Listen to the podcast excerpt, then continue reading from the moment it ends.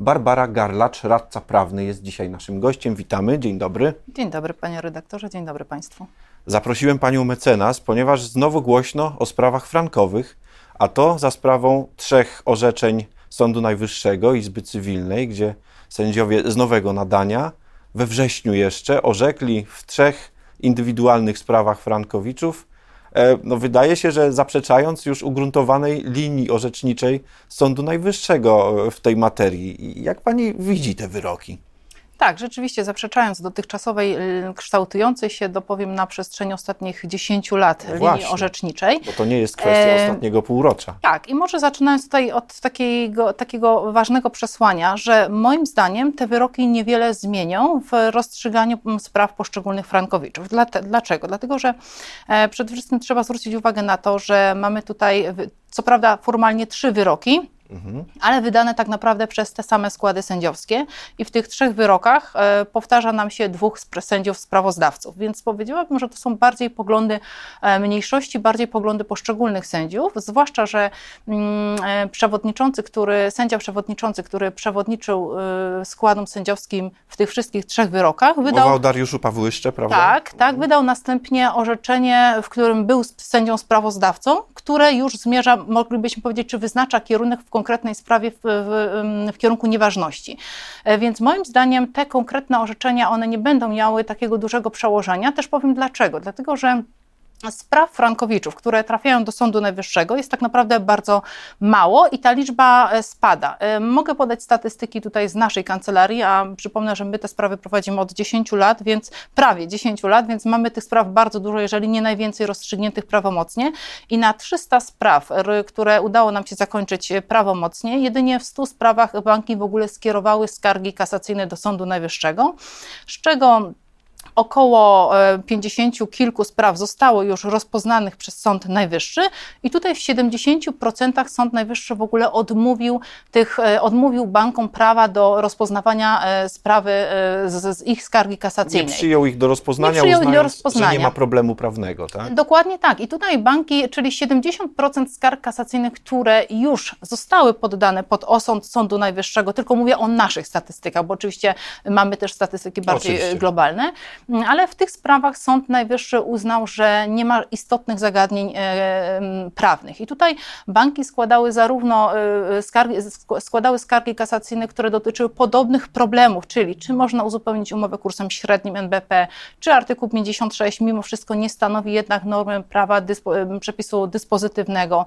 I to są te kwestie, których teraz dotyczy, dotyczą te orzeczenia Sądu Najwyższego, o ile się Dokładnie tak i zaraz, zaraz tutaj też do tego przejdę, więc ale mm, z punktu widzenia pojedynczego tak zwanego Frankowicza, żeby jego sprawa zakończyła się podobny, w podobny sposób w Sądzie Najwyższym, to po pierwsze musi bank złożyć skargę kasacyjną, a tak jak mówię, odsetek spraw, w których takie skargi są składane jest coraz mniejszy. Po drugie, już na przedsądzie ta sprawa musi być przyznana do rozpoznania i tu znowu odsetek jest coraz mniejszy.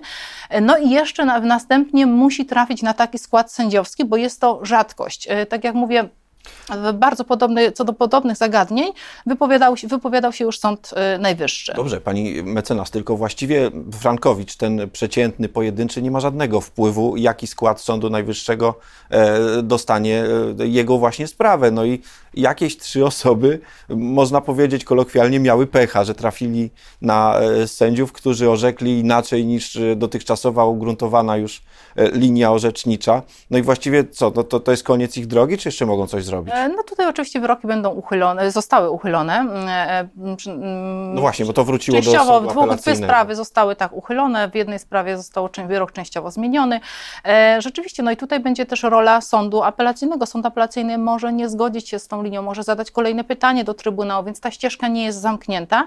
Natomiast bardziej mi się wydaje zasadne jest tutaj rozważenie, czy to orzeczenie może w ogóle mieć wpływ, nawet jeżeli poszczególny Frankowicz nie trafi do Sądu Najwyższego, to czy to orzeczenie może mieć wpływ na dalsze losy spraw frankowiczów? Zastanówmy się nad tym. Tak, i tutaj e, moim zdaniem nie. I teraz dlaczego? Albo bardzo e, może być wykorzystane przez e, składy sędziowskie, które są po prostu nieprzychylne tak zwanym frankowiczom i do tej pory wydawały niekorzystne orzeczenia, mogą wykorzystać ten No wyrok. właśnie.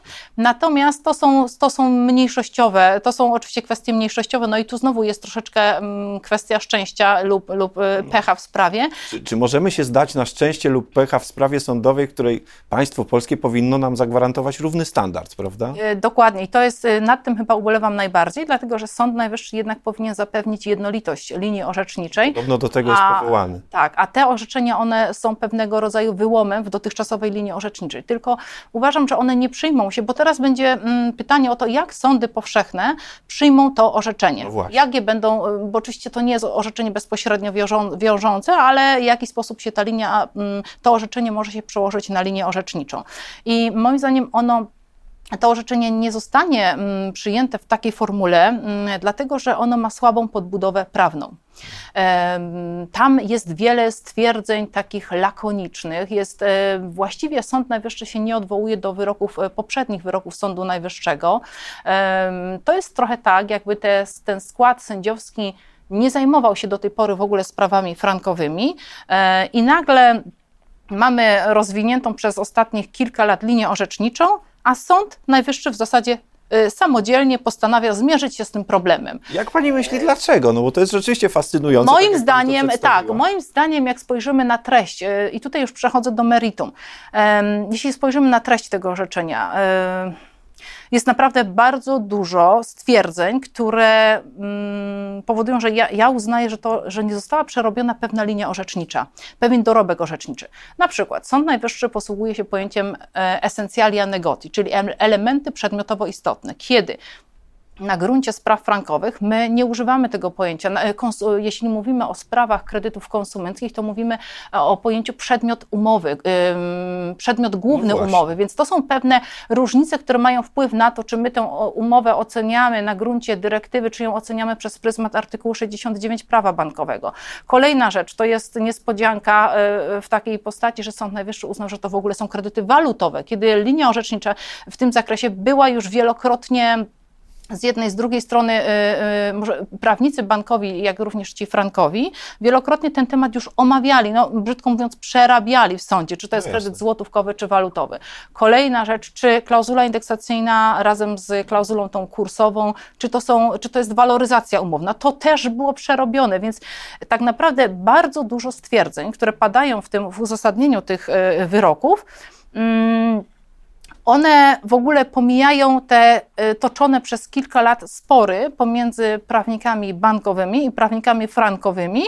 I to każde z tych stwierdzeń tak naprawdę jest poparte zarówno stanowiskiem jednej, jak i drugiej strony, ale również orzecznictwem czy to krajowym, czy to orzecznictwem Trybunału. A Sąd Najwyższy w tych orzeczeniach przeszedł jakby obok, zupełnie Jakby tego obok, nie było, jakby tak? tego nie było. I to jest smutne i to jest też zaskakujące, dlatego że e, poprzednie orzeczenia Sądu Najwyższego, e, które zapadały w różnych składach, czy to e, tych e, sędziów z nowego powołania, czy też tych tak zwanych starych sędziów Sądu Najwyższego, mm, to e, one jednak zmie- mierzyły się z, pewnym, z pewną linią orzeczniczą ugruntowaną, która była do tej pory. I do niej się odnosiły. Do niej się odnosiły, w pewnym zakresie ją rozwijały, w pewnym zakresie ją kwestionowały. Natomiast tutaj mamy, tak jak powiedziałam, tak jakby składy sędziowskie wzięły umowę frankową w swoje ręce, wzięły polskie przepisy prawa w swoje ręce, wzięły dyrektywę do tego, do tego w sposób lakoniczny odniosły się do kilku orzeczeń z Trybunału Sprawiedliwości Unii Europejskiej, nie przedstawiając ugruntowanego stanowiska prawnego, dlaczego tak, a nie inaczej. I tutaj Chyba takim najpoważniejszym e, zarzutem jest to, że nie został, że w tych orzeczeniach nie jest respektowany wyrok w sprawie państwa dziubaków, czyli słynny Właśnie. wyrok, w którym so, e, Trybunał uznał, że mm, artykuł 56 kodeksu cywilnego, czyli taka norma ogólna, e, nie może, nie jest przepisem dyspozytywnym, jak również nie może służyć do uzupełnienia umowy kursem średnim NBP. Tam zdaje się, jest nawet stwierdzenie Sądu Najwyższego, że właśnie nie będzie nam tutaj, tryb, przepraszam, że tak skojarzy, skolokwializuję, to nie będzie nam Trybunał w Luksemburgu mówił, jak my tu mamy orzekać w takich sprawach, bo przecież mamy Trybunał Konstytucyjny, który nie uchylił tego przepisu, i więc, Tak. więc o co tak, w ogóle chodzi? Tutaj, prawda? tutaj Sąd Najwyższy uznał, że mm, w konsekwencji tego orzeczenia Trybunału, który, które zapadło na gruncie sprawy państwa Dziubak, to dopiero ustawodawca polski powinien stworzyć przepisy, które y, pozwolą na rozliczenie tych umów, czyli na przykład tak jak na Węgrzech wprowadzić kurs urzędowy.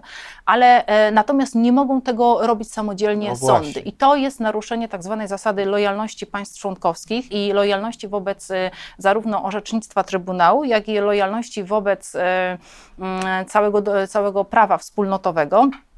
Z tej zasady lojalności wynika taki obowiązek, że z jednej strony rzeczywiście, jeżeli pojawiają się orzeczenia, które stwierdzają, że pewne przepisy prawa są niezgodne z, z czy to z orzeczeniami Trybunału, czy z jakimiś przepisami dyrektywy, no bo w sumie do tego się odnosi zawsze Trybunał, to rzeczywiście jest tak, że władza ustawodawcza powinna podjąć pewne działania na rzecz zniwelowania tego stanu. Ale jest jeszcze drugi człon tej zasady, którą Sąd Najwyższy pominął, że również sądy krajowe, czyli zarówno e, tutaj ustawodawca, jak i sądy krajowe w swojej praktyce muszą uwzględniać orzeczenia. I to, że mamy orzecznictwo TSUE, czy to dotyczące e, tego obowiązku informowania kredytobiorcy o ryzyku, czy to właśnie artykułu 56 kodeksu cywilnego, że mamy orzecznictwo, które jest z lat 2017, głównie 2019, 20, 21, mm, to, to y, i mimo, że, że to orzecznictwo stosujemy do tych stanów, do tych umów z przeszłości, to ono jest wiążące i to na to też są orzeczenia TSUE, które mówią, że e, orzecznictwo TSUE wydane później sięga tak daleko, e, sięga w zasadzie wstecz do momentu, kiedy e, dany kraj przystąpił do Unii Europejskiej, więc No to już y- mamy tam parę lat wstecz, przecież nie oszukujmy się. tak, i tutaj więc, więc Sąd Najwyższy absolutnie pominął to, że sądy są zobowiązane do niestosowania przepisów, które Trybunał uznał za niezgodne z e, porządkiem Na wspólnotowym. koniec zapytam o jedną kwestię. Czy Pani zdaniem banki się ucieszyły z tego wyroku i wyciągną z niego wnioski, które mogą trochę zburzyć nam ten święty spokój? Mm, e, Tak, na pewno. e, To znaczy, z jednej strony banki już trochę się pogodziły z tym stanem i proponują dość korzystne ugody kredytobiorcom. E, Nie wnoszą skarg kasacyjnych, w, niektórych sprawach nawet e, apelacji, więc banki z jednej strony już się pogodziły. To orzeczenie pewnie spowoduje to, że banki zastanowią się, No czy właśnie. składać skargi kasacyjne, ale ocenią, na ile to orzeczenie jest odosobnione, bo znowu składanie skarg kasacyjnych to są koszty, więc y, mogą wykorzystać ten instrument. Natomiast z punktu widzenia kredytobiorców y, tak zwanych frankowych, w większości to nie będzie miało znaczenia, bo nie sądzę, że sądy apelacyjne przyjmą to orzeczenie, bo tak jak mówię, ono ma dość słabą podbudowę prawną, słabe uzasadnienie prawne. E, W poszczególnych przypadkach może być to wykorzystane przez jakieś składy sędziowskie, ale z drugiej strony pamiętajmy, mamy cały czas apelacje, mamy skargi kasacyjne, więc e, e, myślę, że trzeba być jednak dobrej myśli i, i tutaj póki co mamy tą przeważającą linię orzeczniczą wiążącą. No, będziemy się przyglądać tym trzem sprawom, które e, wróciły. Dwie wróciły na pewno, trzecia jest trochę zmieniona. Zobaczymy, co zrobią sądy apelacyjne. Dziękuję za to spotkanie i rozmowę. Dziękuję. E, Barbara Garlacz, radca prawny, była dzisiaj naszym gościem.